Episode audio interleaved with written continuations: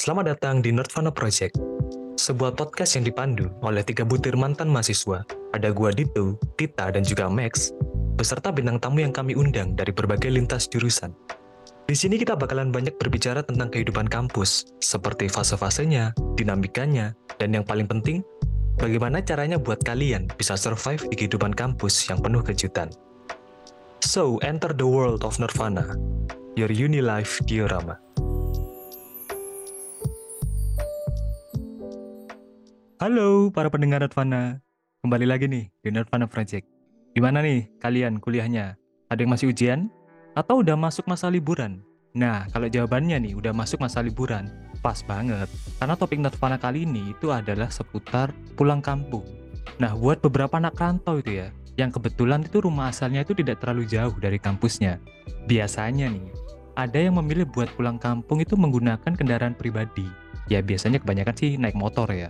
Nah kadang-kadang anak-anak mahasiswa ini suka abai gitu atau ya sembarangan lah dengan motornya.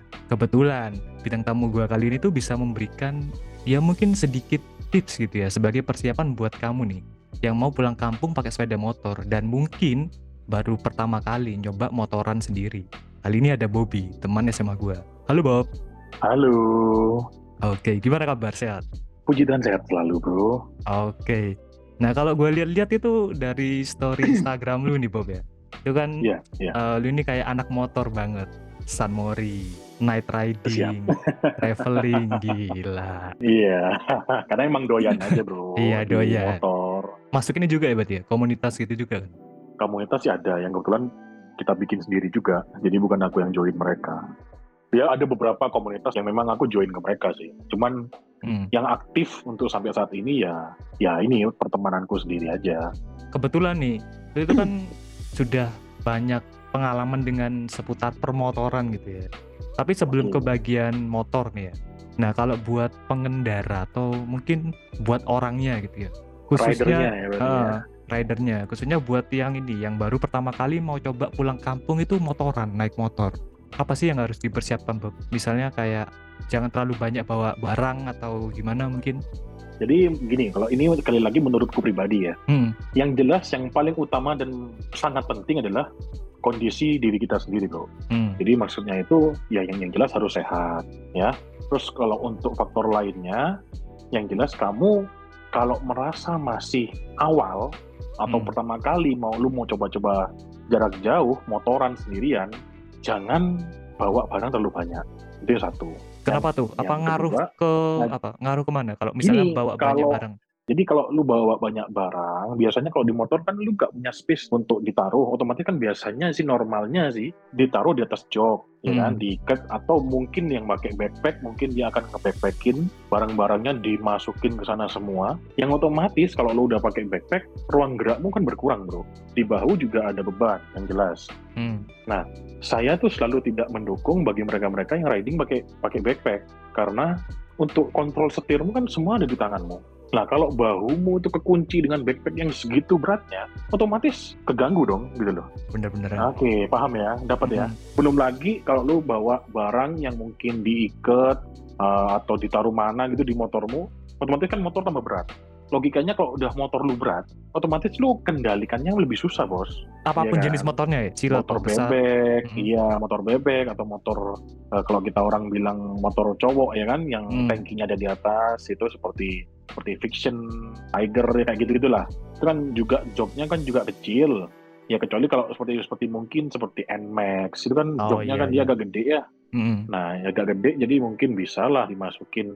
Nah cuman kalau ya kita yang kalau lihat terutama di daerah Jember ya, hmm. di daerah Jember terutama kita circle-nya mahasiswa ya bu- sorry itu sih bukannya apa cuman kebanyakan motornya kan banyak kan kan seperti Beat Mio mungkin ya kan Hmm, Scoopy iya benar. Motor-motor kan- ini ya yang enteng ya. Ya motor harian ya motor bebek harian lah Hmm, nah itu juga menurutku juga harus awas sih sebenarnya terus yang selanjutnya jangan males-males pakai perlengkapan bro ya mulai dari sepatu sarung tangan jaket celana panjang helm paling penting bro. Oh iya Iya. pasti. Kalau jarak jauh itu, helm itu harus paling penting sih. Iya. Ya Ya kan? sama ini jangan pakai sandal lah kali ya. Oh iya benar. Bahaya bos. Iya, gue pernah Bahaya baca bos. apa nyangkut ya di ininya apa eh, di Iya. bawahnya itu apa yang bagian ganti Ya entah gigi. itu Eh, nyangkut, entah itu eh, mungkin licin, ya kan? Entah Iya, itu bener, mungkin ah. amit-amit ketika lu jatuh, otomatis kan jari lu kena bos. Jadi Heeh. eman ya, nggak nggak itu mah kagak ada spare partnya bos jarimu bos. iya. Jadi mohonnya Sekali agak hilang, agak hilang. pinter dikit. Iya, agak pinter dikit tolong pakai sepatu ya. Itu dari sisi rider. Terus yang selanjutnya dari sisi motor. Lu jangan sok-sokan mau keluar kota atau ke mana tanpa lihat kondisi motor lu, bos. Saranku sih, sebelum kamu melakukan perjalanan, biasakan cek semua kondisi motor. Biasakan sudah. Nah, pas banget. Ya. Kadang-kadang anak mahasiswa itu ya, dan mungkin termasuk gua juga sih. eh, selain nggak terlalu ngerti soal motor ya, biasanya juga Oke. sembarangan sama motornya gitu loh. Entah kadang ada Oke. yang remnya udah nggak pakem, terus ada Iya, yang iya, iya. Eh, apalagi lampunya mati, lampu sen dan segala macamnya itu Ah, mati. ah, ah. Ya macam-macam lah. Itu kan kalau buat perjalanan jarak jauh kan ya agak bahaya gitu kan. Betul. Nah, kira-kira apa sih yang Betul harus banget. diperhatikan ya? Kalau boleh jujur sih, saya juga tidak terlalu paham betul dengan motor, terutama mesin. ya. Kebetulan sekarang kita ini kan hidup di 2023 ya Pak ya. Anda Hmm. bisa langsung ke bengkel bro, ya langsung ke bengkel Pak. Ini saya mau servis berkala, tolong dicek semuanya. Beres. Nggak usah banyak mikir dan nggak usah banyak alasan sebenarnya, gitu loh. Iya sih. Kita itu Yang bener tuh- kadang yang males. bener yang bener, nah, itu yang mau saya ucapkan bro. Itu penyakitnya bro, males gitu loh. Padahal itu itu adalah kunci gitu loh, karena gini, kalau lu nggak jaga kesehatan motormu, Hmm. otomatis membahayakan keselamatanmu di jalan gitu loh. Alangkah baiknya kalau kita tuh rajin lah ngecekin, at least tiga bulan sekali. Yang harus diperhatikan misalnya apa? Di bagian remnya mungkin atau di bagian yang eh, jelas, lampu. yang jelas penting-pentingnya deh. paling gampang, yang paling gampang kita lihat yang bisa kita kelihatan dulu deh. Yang kelihatan tuh seperti apa? Satu, Hmm. perlampuan. Penting banget ketika lu malam hari terutama. Perlampuan mulai dari lampu utama, headlamp, terus Hmm. lampu sein kanan kiri, ya kan? Hmm. Lampu rem belakang, itu kamu harus perhatikan juga. Yang kedua, itu adalah tekanan angin ban. Itu Oke. sepele tapi fatal, Bos. Kalau tekanan anginmu kurang, Hmm. ya kan kalau tekanan anginmu kurang yang satu itu bisa ketika kamu ini pengalaman pribadiku ya Hmm. pengalaman pribadiku ketika lu dapat ya namanya di jalan kita kan nggak tahu kondisi jalan ya mungkin Hmm. lu lepas meleng atau gimana lu dapat eh, apa bolongan waduh lu kepanting banget bos kepelanting Oke. banget kamu bisa bisa lompat kamu bro ya normalnya sih kembali lagi ke kesigapanmu untuk menanggapi hal-hal seperti itu ya Hmm. cuman kalau kita let's say katakanlah ngomong skill berkendaramu let's say standar deh Hmm. ya tidak akan sampai jatuh yang gimana bro kalau Kalau kalau normal Tekanan semua. anginnya normal. Oke. betul betul Oke. karena temanku tuh kapan hari tekanan anginnya kurang dia Hmm. pas belok terutama pas belok ya pas belok karena ini tidak mampu mencengkram ke aspal kepleset dia bro kepleset padahal beloknya bukan yang sampai cornering atau gimana enggak Iya, Iya, belok biasa. ya? enggak belok biasa udah ya padahal gak ada oli gak ada air gak ada minyak atau apa pun itu di jalan Oke. Cuman memang tekanan anginnya memang yang terutama yang depan ya waktu itu. Hmm. Nah, yang depan tuh dia sangat kurang memang. Waduh, ya mau nyalahin nih udah orangnya celaka ya udahlah. Kalau makin Oke, disalahin tambah drop dia. Udah jatuh disalahin kan agak kasihan ya. makanya. iya, nah, itu yang poin kedua tadi ya Ah. soal angin. Poin yang ketiga sesuatu yang bisa kamu rasakan. Contoh pas ngerem, baik itu rem depan atau rem belakang. Kamu kerasain ini makan nggak nih rem nih? Tahu ini gimana nih remnya terasa gimana? Kalau dirasa emang ada sesuatu yang janggal, alangkah baiknya langsung bawa ke bengkel terdekat aja. Yang kamu atau mungkin punya bengkel langganan, bawain aja, tolong cekin aja. Lu gak, usah jelasin, wah ini gimana ya? Mungkin kita orang awam ya. Biar Hmm. mereka aja yang mikir gitu loh. Iya, bener. Baik. Gue juga kadang Iya, gitu kalau ke baik- bengkel. Iya, kita gak usah ikut mikir bos. Itu bukan kalian kita, ya kan? Mm-mm. Biar mereka aja yang mikir. Ya, pa- paling enggak kita kan sudah mel- melakukan sebuah tindakan. Iya, Pak, bener. ini tolong dicekkan rem rem depan dan belakangnya. Dicekkan semua aja sudah. Gitu aja beres. Terus faktor lain yang bisa kamu rasakan adalah kalau kamu manual, mungkin ada persnelannya mungkin tidak enak atau merasa kayak ada kayak mengganjal gitu ketika mau oper satu, kedua, ketiga dan seterusnya. Nah, Hmm. itu kan kamu bisa bisa merasakan. Nah, kalau Oke. Matic biasanya ketika jalan itu kan dia kan pakai safety belt tuh kalau Matic. Nah, safety belt tuh penggan- penggantinya ini, Bro, penggantinya rantai.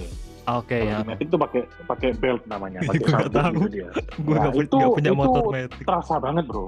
Itu terasa banget kalau kamu udah krak krak krak krak gitu, itu biasanya wah ini udah mau putus nih. Nah, kalau lu udah putus lu lagi tengah jalan bawa barang banyak pula Hmm. aduh bro itu menyiksa banget bro. Itu gak, gak bisa kamu nyalain bro. Mau nyalain gimana? Mau jalan gimana? Yang ngikat kagak ada ya kan? Yang bener aja loh nah itu. Terus shock breaker bro.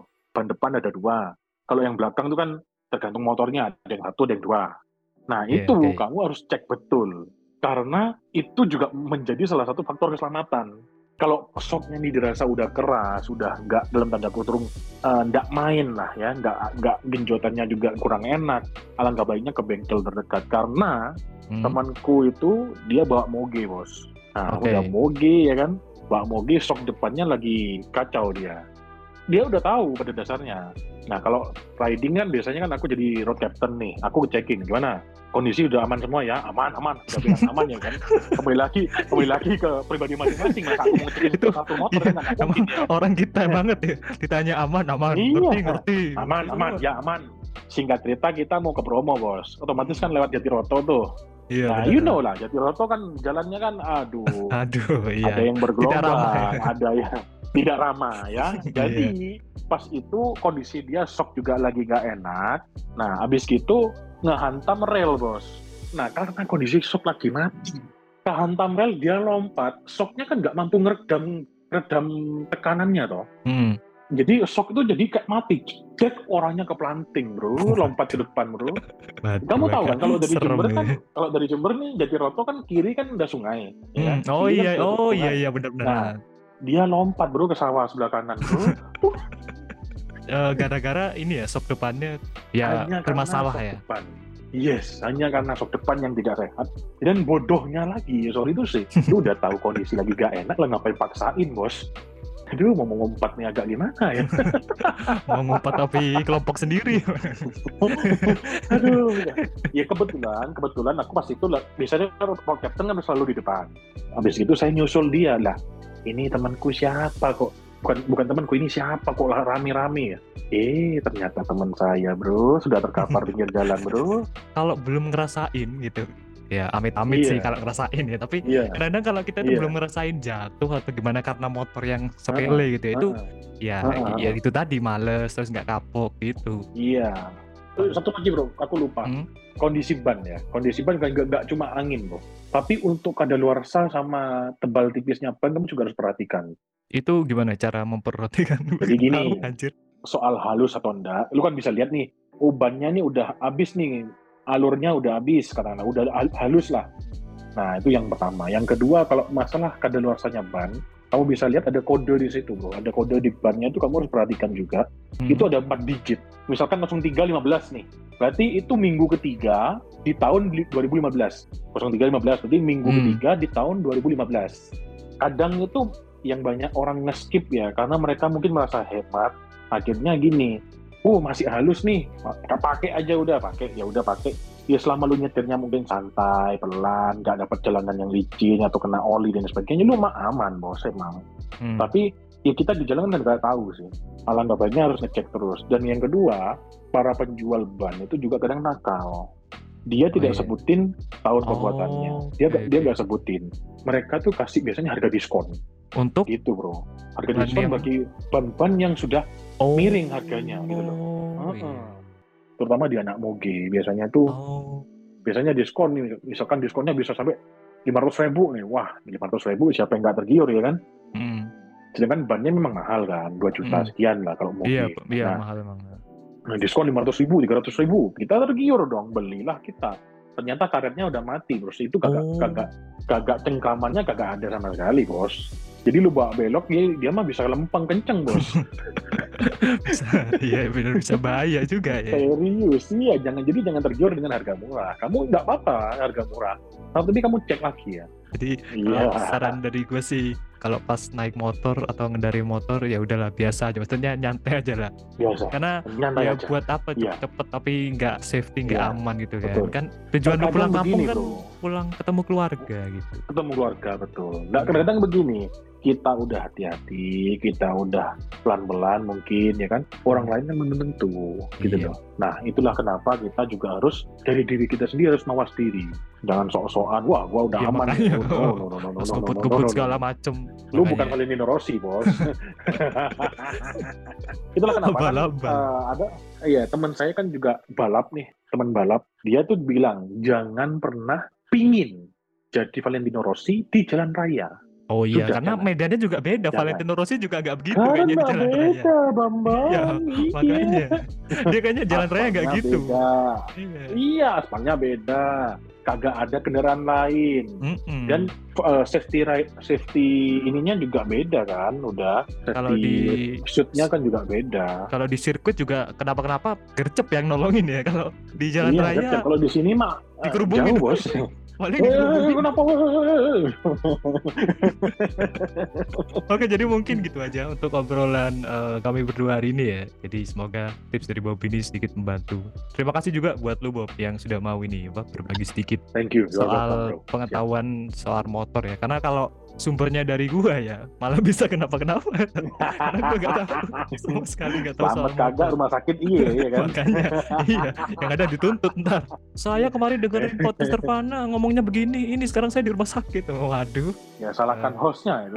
makanya saya- makanya gue undang lu sebagai bintang tamu gitu biar valid gitu ya ya at least walaupun uh, Ah, bukan expert soal motor at least udah pernah Ya, uh, ke mana-mana ya, punya pengalaman sedikit, lebih banyak sedikit banyak tahu lah. Mm, Ya. sedikit banyak tahu gitu. Terus juga terima kasih buat kamu yang udah dengerin episode kali ini ya. Kami berdua juga ucapkan hati-hati di jalan seperti lagunya Tulus gitu ya. Dan juga sampai jumpa di obrolan Nirvana berikutnya. Bye